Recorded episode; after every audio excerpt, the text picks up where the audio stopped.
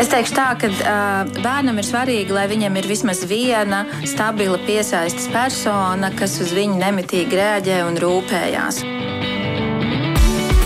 Skola un augšana, attiecības un sadzīve, fiziskā un emocionālā veselība. Par šo un daudz ko citu raidījumā ģimenes studija. Labdien! Ar jums sasveicinās raidījuma producents Armīti Kolāta un arī es Mairits Notiņa. Varētu jau teikt, ka skolu skaits, kurās kā otro svešvalodu skolāniem piedāvā apgūt tikai krievu valodu, lēni, bet samazinās. Pēc valsts izglītības informācijas sistēmas datiem, ja 2021. un 2022. mācību gadā procentuāli no kopējā skolu skaita tādas bija 48% skolu, tad pagājušajā mācību gadā 44%. Tomēr tas nozīmē ģimenēm, kuru bērni mācās šajās skolās, nav iespēja izvēlēties, vai viņu bērns kā otru svešvalodu skolā mācīsies krievu vai kādu no Eiropas Savienības valodām.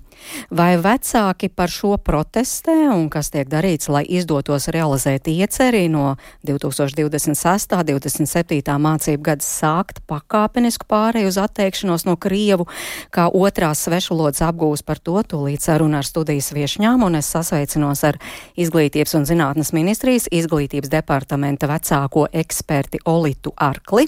Labdien! Un pie mums studijā arī Rīgas kultūra vidusskolas direktore Dace Lazda. Labdien! labdien. Un uh, gribu teikt labdien arī Baložu vidusskolas direktorei Vitai Brokai. Viņa šajā sarunā piedalās attālināt. Labdien, Vita, vai dzirdat mūs? Labdien, dzirdu! Prieks.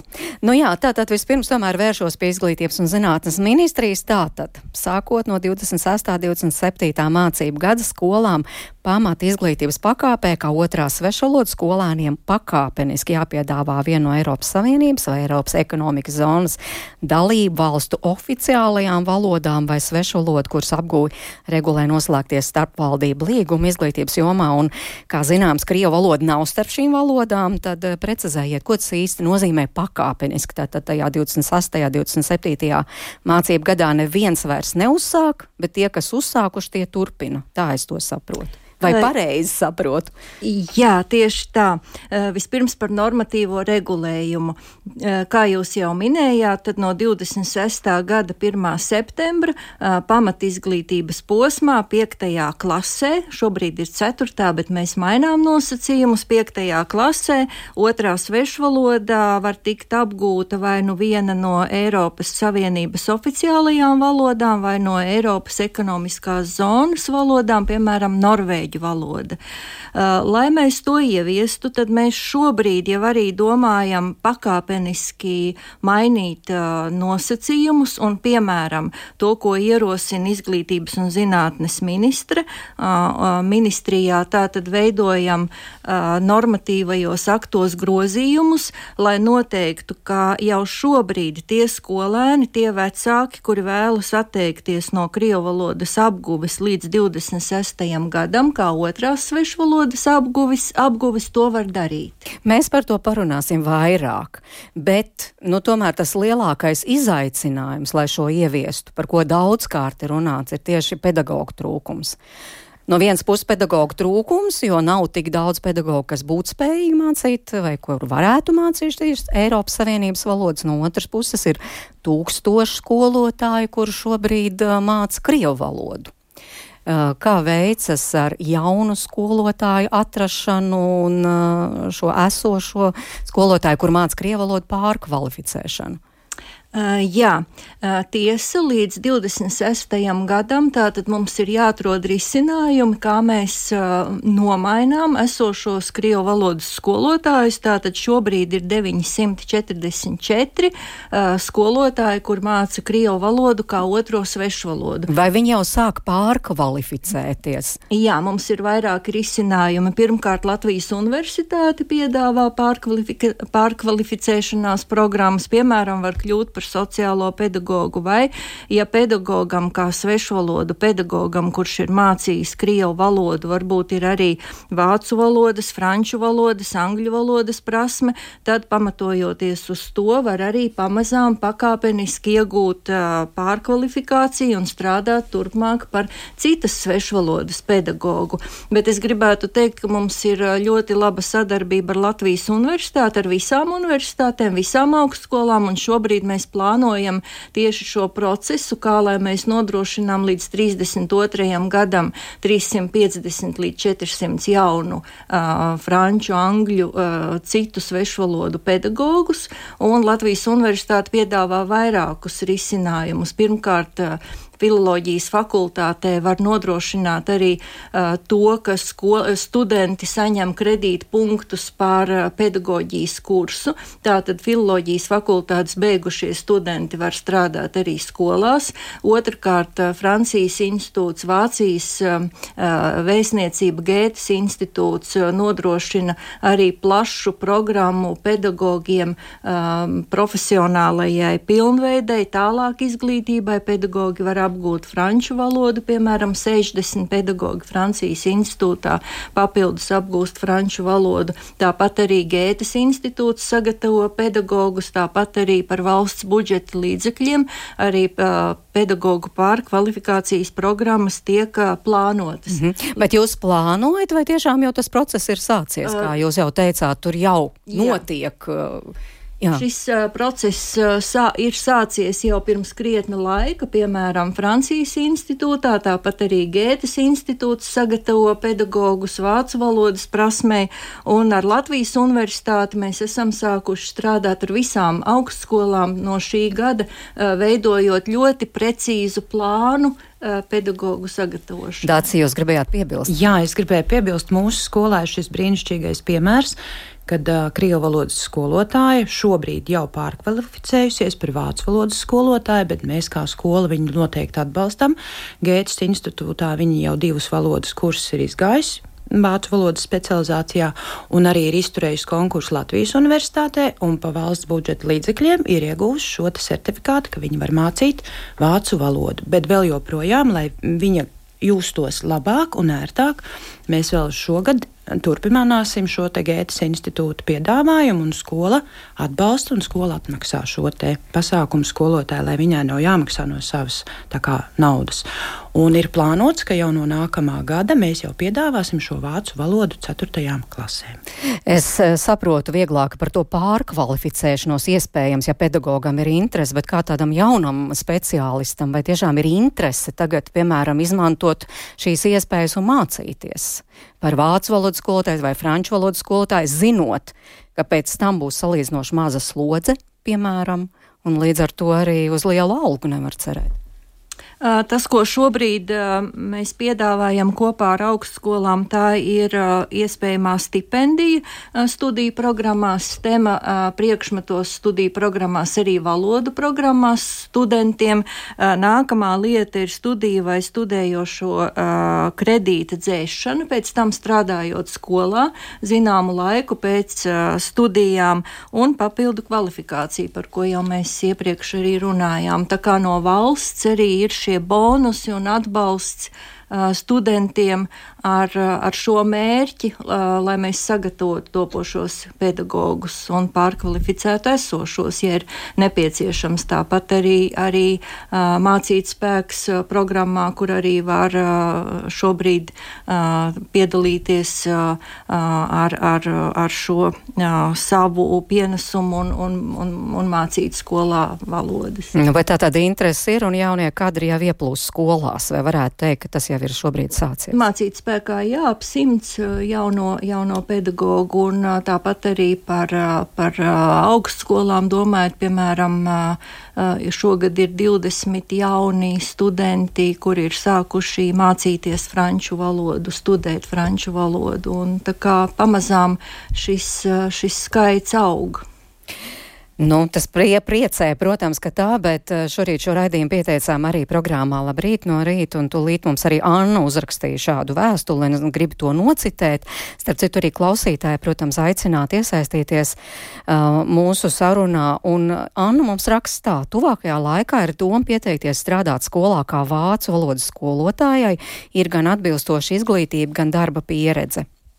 Mana interešu grupa būtu klašu grupas vidusskolā vai profesionālajās skolās, kā otrā, trešā svešvaloda, bet atverot Rīgas valsts pilsētas pašvaldības izglītības, kultūras un sporta departamentu portālu var atrast divas vakances, un viena no tām aktuāli jau ir gadiem. Un, uh, un arī uh, nodarbinātības valsts aģentūras mājaslapa vakanču nav, tātad vācu valodā Rīgā šādas vakants nepiedāvā. Un var secināt, ka skolas aktīvi nemeklē svešvalodu skolotāju. Tās vakants, kuras ik pa laikam rotē, ir vairāk vai mazāk viens un tās pašas skolas un gadiem. Arī norādes par atalgojumu ir tik atšķirīgas katrai skolai, kas rada diezgan lielu apjukumu par reālo situāciju. Nāksies apzvanīt zvanīt skolas, lai uzzinātu šo vienkāršo informāciju. Tā mums raksta Anna. Tas nozīmē, ka Rīgā pedagoģu netrūkst.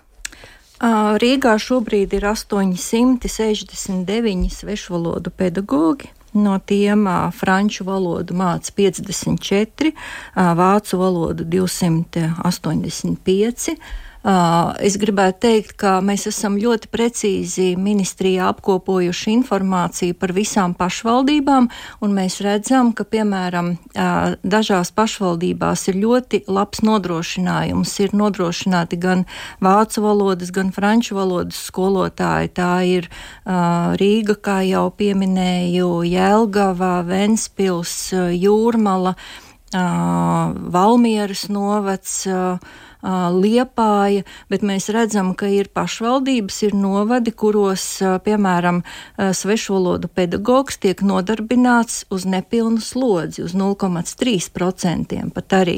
Līdz ar to tad, tas, ko mēs rosinām, tad aktīvi strādāt pašvaldībām un meklēt iespējas, ja ir pedagogi, kuri var palīdzēt šajā brīdī mācīt latviešu piedošanu, vācu valodu, franču valodu, tad ir iespējams šiem sadarbojoties ar šiem pedagogiem vai organizējot mācību procesu attālināti, nodrošināt mm. krievu valodas vietā šīs stundas. Jā, bet jūs neatbildējāt Annai. Jauns speciālists, grib darbu, grib mācīt un neredz nekādas iespējas.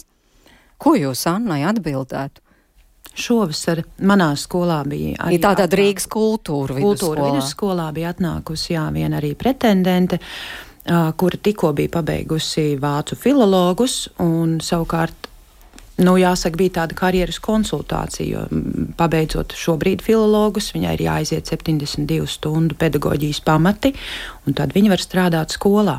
Un mēs palikām pie tā, ka tiklīdz mēs ieviešam vācu valodu, mēs ar viņu sazināmies.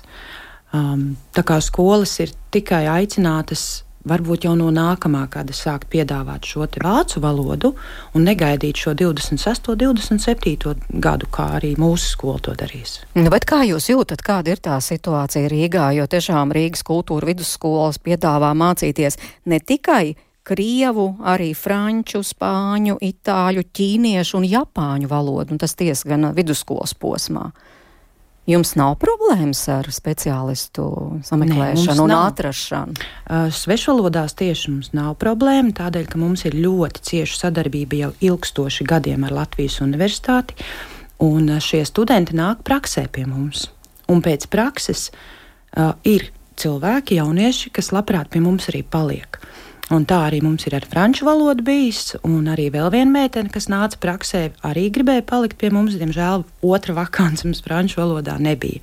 Bet jā, šādā veidā tieši sadarbojoties, mācot sākotnēji šos studentus, arī matemātiku tā mēs esam ieguvuši, arī vēsturi, arī dabas zinības un geogrāfiju tieši šādā pašā veidā, tikai sadarbojoties ar jaunajiem studentiem. Baložu vidusskola, jūs esat pierīgas skola. Kā, kāda situācija jūsu skolā? Arī tikpat uh, viegli un, un, un varat runāt par šo jautājumu kā Rīgas kultūra vidusskolas uh, direktori? Nu, tikpat viegli es nevaru runāt par šo situāciju. Es saskaitīju, šodien mums ir 48 kontaktstundas, kā otrās svešvalodas stundas. Šobrīd mums arī skolotāji ir izgājusi gan Gētas institūtu, viena gan iegūst certifikātu mācīt vācu valodu. Uh, Bet tā ir tikai puse no problēmas sekšanas, jo tās būs 24 kontaktstundas, ko mēs varēsim nosekt. Bet, uh, tā bija, es atvainojos, skolotāji, kur līdz šim mācīja krievu valodu? Krievu, jā, skolotāji, kas mācīja krievu valodu, bet atbildot varbūt nedaudz uz to Annas jautājumu, patiesībā ir tā, ka šobrīd, eh, teiksim, lauzt darba līgums ar krievu valodas skolotājiem un samazināt viņām slodzi īsti man nav juridiski pamatojumi. Un, un es varu sākt varbūt ar 4. klasi, sākt mācīt vācu valodu, un mēs nākamgad arī sāksim. Bet tās ir tikai 4 kontaktstundas, un tad, ko tad tas skolotājs saņems? Jautājums ir. Ko tas skolotājs saņems, un vai visi bērni, kuri gribēs mācīties vācu valodu, vai jūs līdz ar to varēsiet visiem arī piedāvāt šo iespēju? Nē, visiem nevarēsim. Mums tāpat ir jādomā, ko darīt vēl, vēl ar 24 kontaktstundām. Nu, ja panākot runāt to 28 gadu vai otra krievlotas skolotāja arī gribēs pārkvalificēties. Šobrīd tāda vēlēšanās viņai nav. Un līdz ar to, kas būs otra sveša valoda vēl bez vācu valodas, to pagaidām mēs nezinām. Bet, nu, tad kā jūs rīkosieties? Gaidīsit, gaidīsit to 26. gadu cerībā, kā atrisināsies šis jautājums, vai varbūt meklēsit citas iespējas, jo ir arī iespēja, piemēram, mācīt attālināti un tam līdzīgi. Nē, nu arī citas iespējas. Viena no tām mācīt attālināti, bet nu, tas, tas, tas, tas nav labākais risinājums. Uh, bet, nu, tā kā šobrīd ministrijas pārstāvs skaisti stāstīja par to, ka universitāte apņēmusies sagatavot daudz speciālistus, nu, tad cerēsim, ka tāda arī būs. Nu, rekā, iedrošinājāt skolu vadītājus. Es nezinu, vai iedrošinājāt arī to izglītības darbiniekus, kuri strādā, piemēram, Latgalē. Es saprotu, ka tur tomēr tā situācija viss sarežģītākā. Uh, jā, mums ir uh, arī apkopojot informāciju, un, piemēram, Preļu novadā tā tad uh, trūkst franču valodas skolotāji, ir tikai seši vācu valodas skolotāji, toties Rezeknē ir gan franču valoda nodrošināta, gan vācu valoda, Rezeknes novadā savukārt nav franču valodas. Tātad te ir tā aktīvā pašvaldības loma sadarboties ar, ar citām pašvaldībām un rast risinājumu šajā situācijā, kas ir, ir pieņem, pilnīgi pieņemami. Nu, tas nozīmē, kā rast risinājumu. Sadarbot, sadarboties tādajādā ziņā, ka, piemēram, ja Reizeknas novadā nav franču valodas skolotājs, tad franču valodu var piedāvāt varbūt savu, savu pedagogu Reizekne, un līdz ar to tad skolēni var mācīties arī franču valodu kā otro svešu valodu. Es gribētu teikt, ka no piektās klases pirmā svešvaloda un otrā svešvaloda ir 11 stundas nedēļā, ir šeit arī ļoti aktīva pašvaldības loma, saprotot, cik stundas tiks piedāvātas pirmajai svešvalodai un cik mācību stundas paliek otrajai svešvalodai. Nu, parasti tā bija viena, divas mācību stundas, jo, kā mēs zinām, tad mācoties otro svešvalodu ir jāapgūst valodas prasme līdz B, līmenim B1. Tā kā arī standarts nosaka šīs prasības, kādā valoda ir apgūstama, kādā līmenī valoda ir jāiemācās, gan kā pirmā svešu valoda, gan kā otrā. Par to mēs arī noteikti runāsim raidījuma turpinājumā. Mēs tiekamies ģimenes studijā. Atgādinu, pie mums šodien studijā Izglītības un zinātnes ministrijas izglītības departamenta vecākā eksperte Olīta Ārkle, Rīgas kultūra vidusskolas direktora Dace Lazda, arī Baloža vidusskolas direktora Vita Broka Un es atgādinu tiešām šobrīd apmēram puse, nu mazliet mazākā puse skolu, kā otro svešu valodu piedāvā mācīties tikai un vienīgi krievu valodu.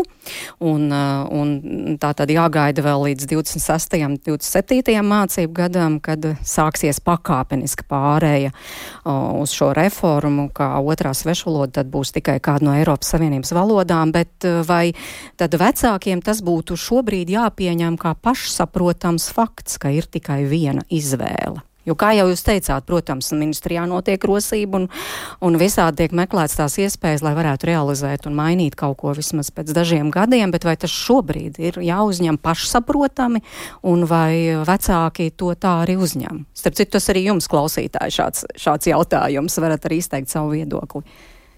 Es gribētu teikt, ka tas nav jāuztver pašsaprotami, un skolai ir iespēja robežās jāpiedāvā izvēle, skolēniem ir jābūt izvēlei, un tas, ko mēs šobrīd arī plānojam, tad rast iespēju, lai tie skolēni un skolēnu vecāki, kuri nevēlas turpināt apgūt Krievu valodu kā otro svešu valodu, varētu pārtraukt to darīt ātrāk kā 26. gada 1. septembrī, ieviešot otro svešu valodu valodu, kādu no Eiropas Savienības valodām. Tāpēc mēs šobrīd strādājam pie grozījumiem normatīvajos dokumentos, kas atļaus to darīt, bet, protams, arī atļaujot iespēju tiem skolēniem, kuri vēlas pabeigt Krievu valodas kā otrās svešvalodas apguvi līdz 9. klasē, to varēs arī darīt. Nu, bet ko tas nozīmē pārtraukt? Tas nozīmē tiešām šajā brīdī jau aiziet pie skolas skolotāja, direktoru vai uz kurien jāgrib jāgriežas un jāsaka viss. Es vairs neturpināšu mācīties krievu valodu reāli. Kā? Jūs šobrīd, iedomājaties? Šobrīd tas nav iespējams pēc normatīvā regulējuma, bet tas, kā, kā mēs plānojam to darīt, tad jā, ja skolai nav iespējas piedāvāt kādu otru, kādu citu svešvalodu Krievu valodas vietā, tad skolēniem būs iespējams atteikties no otrās svešvalodas mm. apguvis, līdz ar to saņemt arī apliecību, kurā nebūs vērtējumu otrajai svešvalodai, un līdz ar to pabeigt devīto klasi, iegūt izglītības dokumentu. Bet, Bet kāda būs šī iespēja? Iespēja? Mā šī mācību gada beigās tas tiks vērtēts vai kā? Nē, mēs to darām jau šobrīd, un tā tad iespējams, ka no nākamā gada 1. septembra šāda iespēja būs. Bet šim, kā es teicu, ir nepieciešams sagatavošanās laiks grozījuma normatīvajos dokumentos, kas atļautu tā darīt. Rīgas kultūra vidusskola joprojām arī piedāvājat krievu valodu kā vienu no izvēlēm. Ir bijusi kāds protests? Mm. Vai, vai vismaz dzirdat, nu, par ko spriež vecāki, jo viņiem tomēr ir jāpieņem tas lēmums 4. klasē, nu tad ko mūsu bērns turpmāk mācīsies? Ir dažādi. Krievu valoda vai tomēr citas? Ir pilnīgi dažādi viedokļi, pilnīgi di diametrāli pretēji. Ir daļa vecāku saka, ka Krievu valodu ir jāzina, tāpēc, ka mēs dzīvojam kaimiņos, un šī valoda ir bagāti, literāri bagāta valoda. Uh, Ir arī tādi, kas skatās Eiropas vairāk virzienā un saka, nē, mums vajag vairāk franču valodu. Uh, Tā kā tie viedokļi ir pilnīgi atšķirīgi. Un tad vēl ir tādi bērni un vecāki, kuri jau prot šo krievu valodu, un viņi izvēlas šo krievu valodu, nevis franču valodu, jo tad zina, ka būs mazāk jāmācās. Jo jau prot mm, pateikt, proti jau cits brīvi runā, mm, un tādēļ, lai nebūtu jāpiepūlās apgūstot vēl franču valodu, tad viņi tā arī izvēlās šo krievu valodu un zina, ka tas priekšmets noteikti būs sekmīgs līdz pat 9. klasē. Bet vai tam arī nozīmē, ka, piemēram, vecāki paši zina šo svešu valodu, nu, konkrēti krievu valodu, līdz ar to varēs uh, nākotnē nu, palīdzēt saviem bērniem iemācīties, kā, protams, nav ar, ar vācu valodu, varbūt varētu vēl būt, bet franču valodu reti kurš. Jā, Un tādi vecāki arī ir, un tādas ģimenes arī ir. Kas zina, ka to mēs varēsim paši, nebūs jāņem no skolotāja. Ne, ne. Nu, arī tad var pārbaudīt, vai bērns tiešām zina vai nezina, jo vecāks pats pārzina šo valodu. Bet ir arī tādi vecāki, kas ļoti mērķiecīgi izvēlās, zinot ļoti labi paši, un bērni jau zina krievu valodu, viņi izvēlās franču, jo viņi saka, mēs nekavēsim laiku pie tā, ko mēs jau protam. Mm -hmm. Mēs gribam vairāk, bet tādu ļoti daudz nav. Nu jā, bet tā kā ir šīs izvēles iespējas, tad arī vecāki neprotestē, jo viņiem ne. ir iespēja izvēlēties. Bet eh, kā jau uh, Baloža vidusskolas direktore Vita teica, nu, Baložos vismaz līdz šim uh, nebija iespējas, un arī šobrīd nav iespējas izvēlēties, kā, kā vecāki uz šo reaģē. Kā, tas, kā jūs to jūtat, kā ir jūsu skolā? Nu, ir, ir uzdot, protams, ekosē jautājumu, kad mēs pāriesim uz kādu valodu, pāriesim un kā mēs plānojam to darīt, bet tādu rakstisku atteikumu pagaidām nav, jo nu, visi saprot, kā jau no ministrijas puses teica, ka tāda iespēja tas nozīmē, ka nepabeigts skolu. Kā būs tad, kad uh, ministrija pateiks, ka var nemācīties krievu valodu, ļoti grūti pateikt, jo dažs labs arī motivēts bērns izdomās droši vien to vieglāko ceļu. Nu, varbūt ne, ne, ne kaut kāds politisks, varbūt gluži pārliecības pēc, bet vienkārši, lai nemācītos, jo tā ir vieglāk. Bet tātad tāds ir jūsu vērtējums. Es gribēju, starp citu, arī tieši jums jautāt, kā jūs vispār vērtējat šo izglītības un zinātnes ministrijas iniciatīvu, un tagad jau tās arī publiski pateica, ka būs šāda iespēja. Nu, es domāju, ka tie divi gadi, manuprāt, bet tas ir tikai mans tāds viedoklis, neko daudz arī nemainīt, ja mēs sākam sastāvā mācīt citu valodu vai kāds pabeidz, jo pieņemsim, nu, man pašai puika, puika iet 8. klasē, nu, un tagad mājās man būs tāda, tāds dialogs, kāpēc man to krievu valodu jāmācās, ja var nemācīties. Nu, tā vienkārši zūd motivācija varbūt kādam arī mācīties. Nu, es nezinu, nu, man liekas, ka īsti prātīgi varbūt tas nav. Dace, piekrītat? Es šim es piekrītu. Jo vienmēr atradīsies kāds, kurš, kāpēc man to vajag, ja es to varu nedarīt. Un kā mēs zinām, nu, skolā un bērnu vidē, pusauģu vecumā, it sevišķi pārējais periodā, šis varētu būt diezgan izplatīts. Jā, un es arī domāju, kā tur īstajā attestātā, tad tur būs vienkārši krieva valoda un strīpiņa, vai vispār tā krieva valoda tur neparādīsies. Un tomēr viņš jau ir mācījies, jau gadus četrus jau vismaz ir mācījies, ja šobrīd bērns jau ir astotajā klasē. Jā. Tā kā vēl to vienu gadu, nu jā, tur varētu būt diskusijas vairāk vecākiem ar bērniem. Mūsu sarunai pievienojas arī Liepājas izglītības pārvaldes vadītājs pienākumu izpildītāja Inga Ekuze. Labdien! Labdien! Kā jūs vērtējat, kāda pirmkārt situācija Liepājā?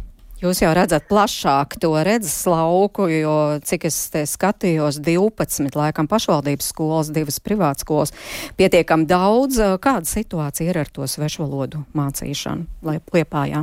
Jā, uh -huh. uh, jā, taisnība 12 ir pašvaldības skolas un divas ir privātās. Un mēs, protams, kā zinām arī par situāciju privātajās izglītības iestādēs. Kā pirmo svešvalodu, protams, kad ir izvēlējušās uh, Gandrīz visas vidusskolas un skū, pamatskolas, izņemot vienu, tā mums ir liepais draudzīga aicinājuma vidusskola, kur pirmā svešvaloda ir vācu valoda. Jo šī skola īsteno pamatizglītības programmu ar augstākajiem sasniegumiem tieši valodu mācību jomā, pirmajā svešvalodā. Un līdz ar to vienmēr runājot par skolēnu uzņemšanu šajā izglītības iestādē, šis jautājums ir bijis aktuāls, kā bērnam veiksies ar vācu valodas apgūvi, jebkurā klašu grupā nu, startējot, jeb sākot, uzsākot mācības šajā izglītības iestādē. Ja runājam par otro svešvalodu, tad šobrīd kā otro svešvalodu mēs piedāvājam plašu klāstu. Tās ir um, sešas atvainoja piecas svešvalodas. Protams, angļu valoda jau minētajā draudzīgā aicinājuma skolā, bet vēl piedāvājam krievu valodu, tā valoda ir astoņās izglītības iestādēs, vācu valodu arī astoņās va, izglītības iestādēs, sešās tiek apgūta franču valoda un vienā tiek apgūta spāņu valoda. Ir izglītības iestādes, kuras arī piedāvā trešo svešu valodu, un tā ir šī valodu skola, kā mēs viņu saucam pašvaldībā. Tā ir Liepājas draudzīga aicinājuma vidusskola, kur arī tiek piedāvāts vēl papildus apgūt šo spāņu valodu. Līdz ar to var teikt, ka četras svešvalodas tiek apgūtas sešās pašvaldības izglītības iestādēs. Tās, protams, galvenokārt ir vidusskolas. Tā ir gimnāzija, draudzīga aicinājuma skola, Rāņa vidusskola un Čaksts mm -hmm. vidusskola. Jā. Un tā skaitā arī ir katoļu pamatskola. Jā, bet sakiet, tātad nevienā skolā nav tāda situācija, ka kā otro svešvalodu var mācīties skolēni tikai un vienīgi krievu valodu? Nē, tāda situācija nav. Bet tad kā jūs esat eh, nu, izvērtējuši, dodot vecākiem to izvēli, izvēlēties, kā šobrīd biežāk izvēlas? Krievu valodu vai nu, kādu no tām jūsu nosauktajām citām svešvalodām, kā otro valodu? Nosaucu jums tās divas dominējošās valodas, krievu valodu un vācu valodu. Tātad šīs ir tās valodas, kuras ir kā otrās apgūstamās svešvalodas. Jo angļu valoda ir kā pirmā, un tad šī otrā ir krievu valoda un vācu valoda. Jā, mēs Tur, tikai kur... par otro šobrīd arī runājām. Jā, saprat, mēs tiešām nerunājam saprat. par pirmo. Jā. Uh mhm. -huh. Tur, kur tiek piedāvāta otrā svešvaloda, krievu valoda, tad tur paralēli šajā izglītības iestādē ir arī citas iespējas. Nu, piemēram, centra sākuma skolā tiek piedāvāta krievu valoda, vācu valoda un franču valoda. Jā, tad bet... pla klāsts ir plašs. Bet kāda ir vecāka izvēle? Jums ir kādi dati, skaitļi, ko biežāk, kuru valodu biežāk izvēlas? Protams, ka visvairāk izvēlās krievu valodu, jo tas ir tradicionāls turpinājums. Tie, kas ir uzsākuši, tie arī turpina. Un nevarētu es apgalvot, ka vēlas pabeigt, um, ja pamat izglītībā saņemt šo vērtējumu attiecīgajā svešvalodā, bet lielākais skaits piekrītu, jā, ir krievu valodā. Bet gribētu teikt, ka statistika rāda, ka pieaugoši ir šis otrās svešvalodas, kā vācu, franču valodas apguvēju skaits. Un kā jūs vērtējat, es te arī kolēģiem prasīju, tikko varbūt arī dzirdējāt par šo ministrijas ieceru, ka tiem, kuri tomēr nevēlēsies pabeigt Krievu valodas mācīšanos un kur nebūs tā iespēja, nu, ka varēs vienkārši atteikties un tad arī nesaņemt vērtējumu, bet pabeigt skolu. Kā jūs vērtējat šo iniciatīvu? Nu, teikšu, ka Liepāja nebūs unikāla pašvaldība, kur arī, protams, ņems vērā vecāku vēlmi un izvēli. Protams, ka pamatā visam ir komunikācija ar vecākiem, vecāku atbildību šajā procesā. Nu, gribētu tomēr teikt, nevis uh, apguve, krievu valodas apguve ir pamatot ar to, ka tev tā valoda būs vai nebūs vajadzīga, bet vecākam ticamāk izvērtējums, vai es varu palīdzēt tam bērnam, atbalstīt to bērnu otrās svešvalodas apguvē. Un ticamāk, ka lielākā daļa vecāku šo krievu valodu pārzina, un tāpēc arī nu, varbūt daļa uzstāja, lai šī krievu valoda būtu pabeigta pilnā apjomā, pamatu izglītības apjomā, šobrīd par pamatu izglītību vairāk. Bet uh, domāju, ka līdzīga situācija mums arī būs. Jā, nu tad ieskatīšos, ko mums raksta klausītāji. Te ir tāds dažādas atsauksmes gan par to, bet kāpēc tomēr tiek uzsvērta tā tad, piemēram, vācu vai franču valoda, galu galā tepat blakus. Skandināvi, arī spāņu valoda ir viena no lielākajām pasaules valodām, vai šādā virzienā arī tiek domāts? Jā, mūsu nu, skolā spāņu valodas skolotāji ir divi. Viens no tiem ir arī spāņu valodas dzimtais nesējs, skolotāja Himena. Um, bet, uh, un apmeklējums arī ir liels, un pieprasījums arī ir liels. Bet tas ir vairāk vidusskolās. Mm. Šobrīd mēs pamatskolā vēl nepiedāvājam, jo šī pedagoģa kapacitāte nav iespējama vairāk, ir maksimālais stundu skaits. Un pēc piedāvājuma salīdzinoši mazs Latvijā, jo kā mēs atkal atduramies pret to skolotāju trūkumu, vai ne? Jā, šobrīd gan uh, mēs gribētu teikt, ka 32 uh, pedagoģi māca spāņu valodu Latvijā, tāpat arī 27 pedagoģi poļu valodu. Uh, mēs arī vienlaikus tātad uh, priecājamies, ka māca igauņu valodu, un Ziemeļvalstu ģimnāzijā strādā pedagoģi, kuri māca zviedru valodu, dāņu valodu, un tas viss ir veicināms. Mēs, protams, ka veicinām šo Ziemeļvalstu valodu apguvi, kas ir mums tuvāk kaimiņos, un arī tāpat lietuviešu valodas apguvi nenoliedzami un igauņu valodas apguvi, bet nu, pamatā skatoties arī uz šo citu valodu piedāvājumu, tātad franču, vācu, spāņu, itāļu valoda, varbūt, kas ir vienlīdz arī svarīgi, bet katrā ziņā tad mēs šo izvērtējam arī ar centralizēto eksāmenu iespējamību. Un, uh, mēs ļoti skaidri apzināmies, ka tad mēs nodrošinām uh, 12. klasē centralizēto eksāmenu vai 9. klasē arī cen, uh, valsts pārbaudas darbu kādā no svešu valodām, un tā ir angļu, franču un vācu valoda, varbūt arī spāņu valoda, bet, nu, lai, lai būtu arī šis, šī sabalansētība, lai nav tā, ka mēs atbalstām vērtējam, protams, ikvienas katras valodas apguvi, bet mēs nevaram izmērīt uh, pēc tam arī skolēnu sniegumu šajā.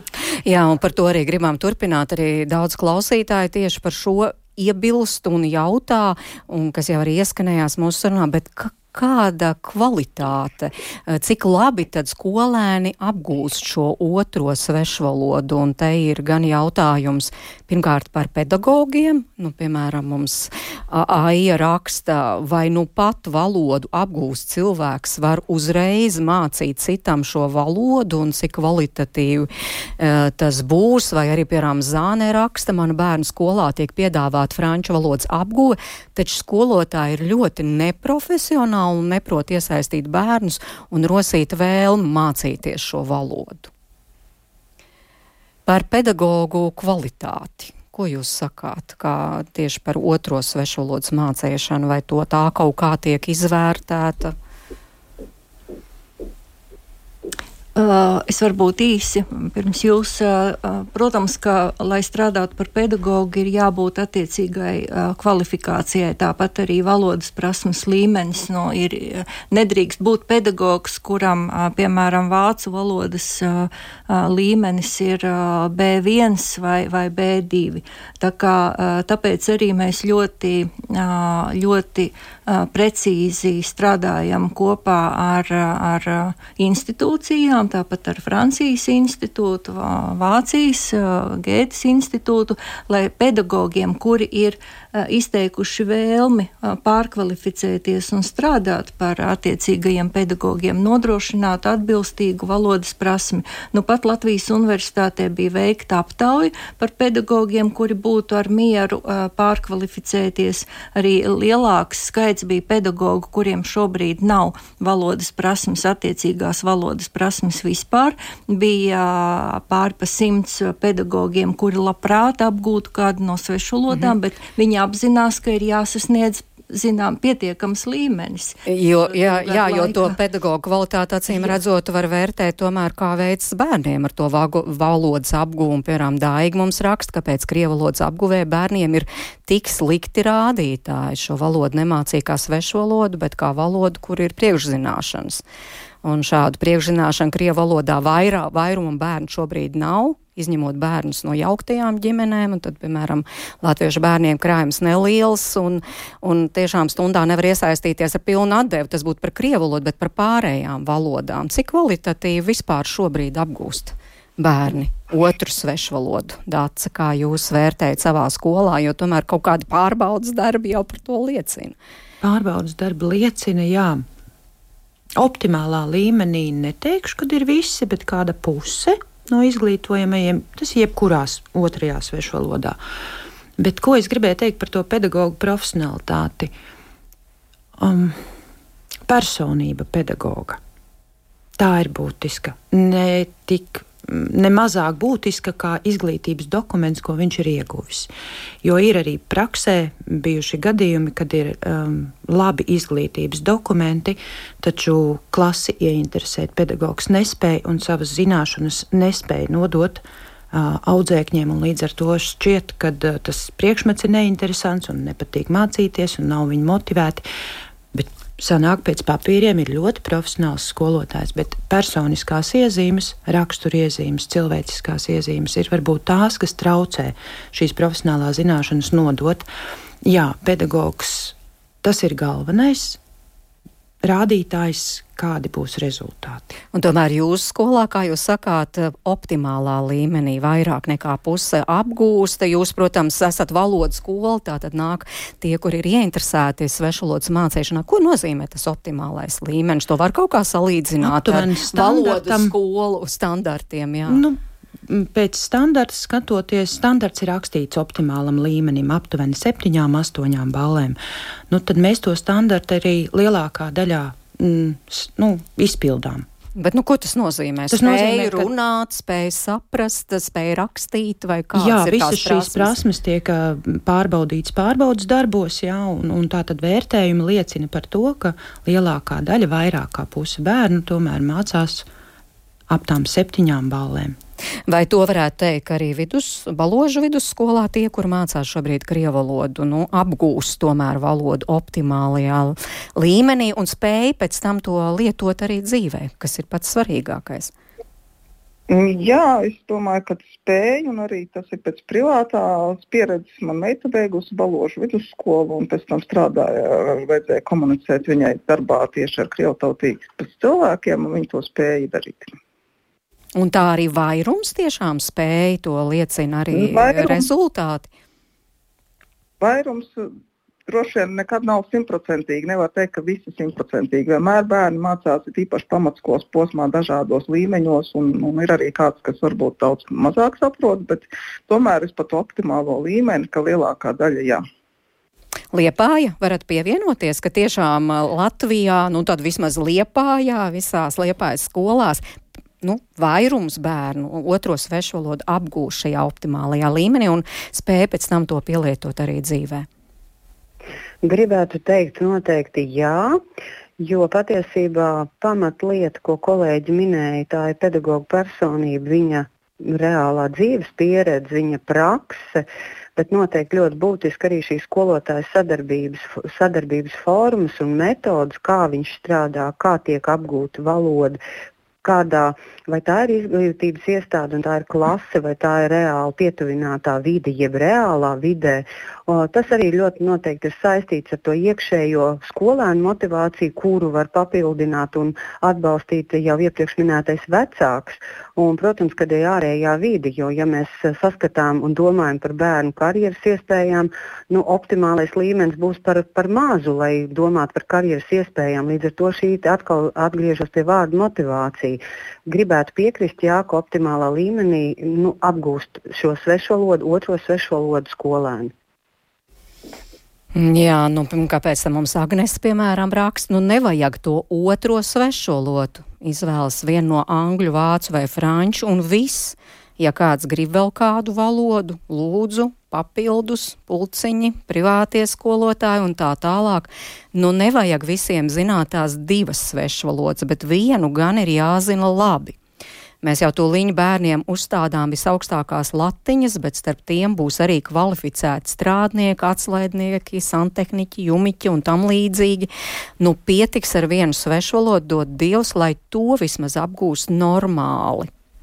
Jā, un kas skatās uz augstskolu, tas pats apgūs papildus valodu, kādu vien grib.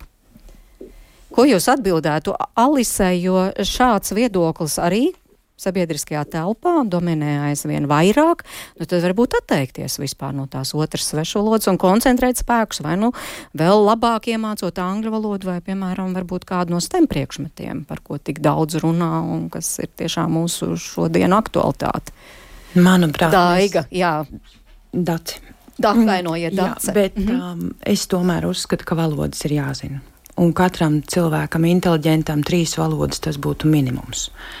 Kā saka, nedegošais minimums. Dzimtā valoda un divas svešvalodas. Mēs esam ļoti maza valsts.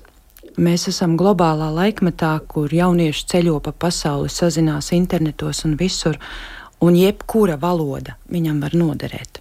Un ja viņš arī četrus gadus pamācīsies šo otru valodu, pamatu, pamatu zinās, apzinātā vecumā, viņam nebūs jau jāsāk no nulles. Un kurā vecumā mēs vislabāk apgūstam valodas? Tieši bērnībā. Tad, kad mēs mācāmies, Nepavelt arī ir jauktās ģimenes, kur bērns piedzimst, un viņš automātiski jau izaugot runā divās un varbūt pat trijās valodās. Ja, ja vecāki ir daudz ceļojuši un dzīvojuši varbūt ārzemēs. Tādēļ es domāju, ka skolas laikā ir jāmāca šī mm, otrā svešvaloda, ne tikai pirmā. Un drīzāk jāsaka, varbūt mums ir jādomā ar ministriju kopā. Lai mēs nepārangliskojamies, jo arī šobrīd mēs redzam, ka angļu valodas rezultāti centralizēti ir labi un pat labāk nekā latviešu valodas. Jā, lai mēs neieejam otrā grāvī, teiksim, aizmirstot par mūsu dzimto valodu un par tās apguvi, bet uh, koncentrējamies, uh, tikai uz angļu valodu. Tas nav noslēpums, es domāju, nevienam, ka daudzi jaunieši jau domā angliski, mūsu latviešu bērni.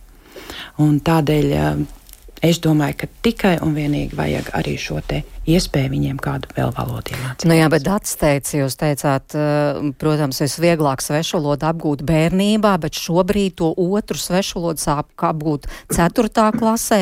Izglītības un zinātnes ministrijai ir plāns, ka vajadzētu sākt varbūt apgūt pat vēlāk no piektās klases un pēc tam mācīt intensīvāk šajā pamatskolas posmā no piektās līdz devītai klasē, neizvilkt tur tik lēni, ja, ka tur ceturtajā klasē viena stunda otrajā svešvalodā valodā.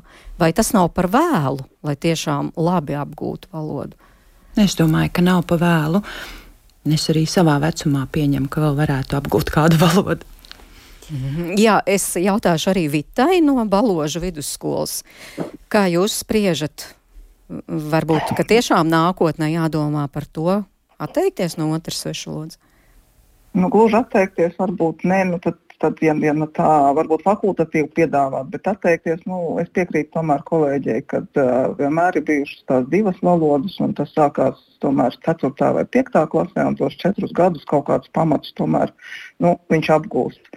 Jo atteikšanās tas, laikam, ir tāds vieglākais ceļš. Nu, tas kā vienmēr cilvēks jau pēc būtības ir slings, nu, tad atsakamies un nedarām. Mm -hmm. Inga, kāds liepājā viedoklis? Tieši tāds pats kā kolēģiem. Pamat ir jāapgūst, un tad jau papildus, ja cilvēkam, ja šim skolēnam konkrēti ir interese radusies, interese izglītības programmas, kultūras, dažnā, dažna dažādas jomas, kur var attīstīt šo otro svešvalodu papildus. Tā būs lieliska motivācija, jeb starta kapitāls izglītotam un inteliģentam cilvēkam. Jā, ministrija. Jā, paldies. Mēs arī izvērtējot procesu. Uh, esam iepazinušies ar situāciju visās Eiropas Savienības dalību valstīs, un mēs ņemam vērā arī Eiropas komisijas noteiktās direktīvas 3-4 svešvalodu apguves nepieciešamībai. Tāpēc arī mēs priecājamies par, par kolēģu viedokli un to, ka, ka tiek novērtēts tas, ka ir jā, jāapgūst svešvalodas un, un nevaram atteikties no otrās svešvalodas apguves, jo tas tālāk arī veicina vidusskolas posmā 3-4 svešvalodas apguvi. Mēs esam mm, to noteikuši tāpat kā citas Eiropas Savienības dalību valstis. Nu jā, bet tomēr daļēji jūs arī piekrītat, ka varbūt varētu mācīt labāk, jo jūs tagad mēģinat nu, kaut kā uzlabot to procesu, sākt mācīt, piemēram, piektajā klasē, intensīvāk otro svešvalodu un tam līdzīgi. Jā, jo mēs tikāmies iepriekš ar asociāciju vadītājiem, ar svešvalodu asociāciju vadītājiem, un šo procesu pārunājam, un tas bija priekšlikums arī no uh, franču valodas asociācijas, ka mēs varētu um, intensīvāk mācīt uh, valodu sākot no piektās klases un netērēt laiku, varbūt vienai stundai sākot to darīt no ceturtās klases, jo uh, patiesībā arī pēc tam tiešām uh, ir jāsadarbojas kopā pirmās un otrās svešvalodas pedagogiem, jo, jo tas stundu skaits ir noteikts kopīgs un skola pati izlemj, kurai, uh, kurai no svešvalodām šajā brīdī dot uh, intensīvāku iespēju.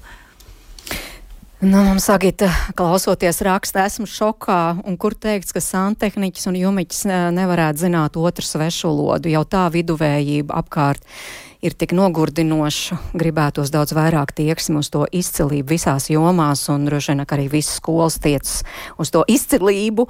Bet nu, cik vispār skolās eh, ir dota tādas pašnoteikšanās tiesības? Nu, tomēr, ja ir iespēja izvēlēties, kuru tad mēs mācīsim, vai mēs sāksim te 4. vai 5. klasē, vai, vai cik liels ir tieši katras skolas manevrēšanas iespējas, un cik lielām tam vajadzētu būt?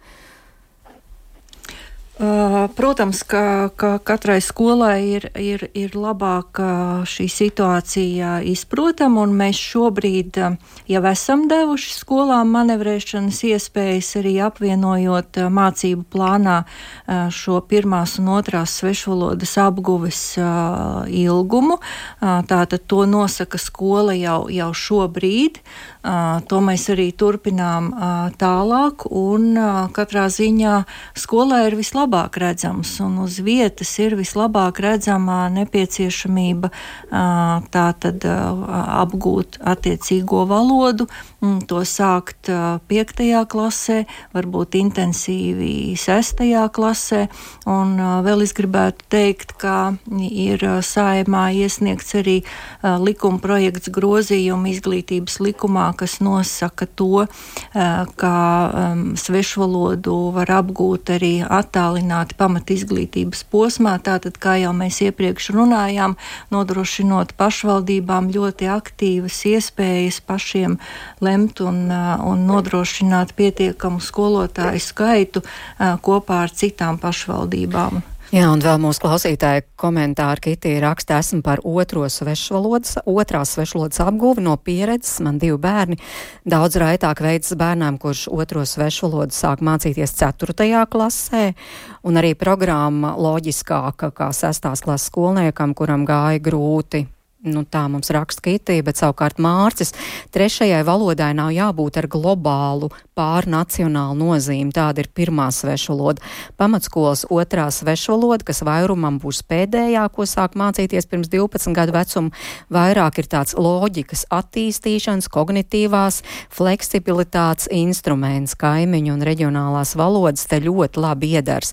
Sākuma skolas, kas ir bērni līdz 12 gadu vecumam, Latvijā plānojas nelielas ar mazskaitlīgām klasēm un reti, kur varēs piesaistīt pedagogu tikai šīs valodas mācīšanai. Parasti tas būs pedagogs, kurš sākuma skolā mācīs arī vēl kaut ko citu, un īpaši muļķīgi no ministrijas puses ir pārcelt mācību sākumu no 4. klases uz 5. Tas vēl samazinās stundu skaitu mazajās pamatskolās. Nu, lūk, tik aktīvi šajā sarunā iesaistās mūsu klausītāji, bet cik vispār liels svars ir nu, iedzīvotājiem, vai viņi var izteikt izteikt savu viedokli, jo pārmaiņas šajā jomā notiek.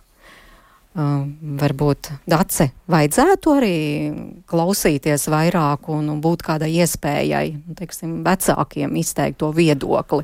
Nu, kā labāk? Kā mēs nonācām, piemēram, pie tām divām izvēles valodām? Tika aptaujāti vecāki, kādas valodas vēlētos, un tad mēs meklējam iespēju viņu vēlmes īstenot. Un arī šajā jautājumā, 4. vai 5. klase, es domāju, ka šo vajag atstāt skolas un pedagoģu profesionalitātei, um, pieredzēji, nevis vecākiem. Uh, es zinu, ka mūsdienās ir tā, ka visi ir izglītoti un zina, kā skolotājiem un skolā ir jāstrādā. Visi zina. Bet es tomēr uzskatu, ka šis jautājums ir jāatstāj valodniekiem, kā jūs teicāt, asociācijai, profesionāļiem, kuri labāk zinās, vai to valodu sākt 4. vai 5. klasē. Vīta, kāds ir jūsu viedoklis? Es piekrītu kolēģiem, jā, ka atstāt uh, tiešām profesionāli ziņā, jo vecāki, protams, zina labāk bieži vien nekā skolotājs, kas būtu pareizi jādara.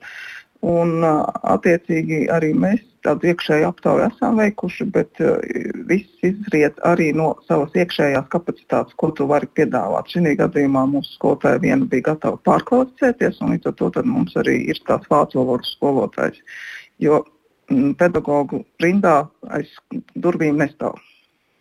Nu, ko tad uzticēsimies profesionāļiem? Un es eh, tiešām mīļi paldies saku par šo sarunu mūsu studijas viešņām - Olitai Ārklei, Dacei Lazdai, Ingai Ekuzei un Vitai Brokai. Paldies, ka atradāt laiku un bijāt kopā ar ģimenes studiju. Un tiešām ļoti, ļoti liels paldies arī klausītājiem, kur aktīvi iesaistījās. Raidījuma producents Armīta Kolāta, Jānā Dreiman pie skaņpults un es mērķis noteņu bija pie mikrofona un tiekamies rīt. 5 minūtes pār diviem mums rīt tāds mīļš temats par mīļmantiņām. Kāda ir to nozīme? mazu bērnu attīstībā un kā mainās mūsu attieksme pret tām un kādi drošības aspekti jāņem vērā lietojot mīļmantiņas. Tiekamies rīt un lai jums laba diena!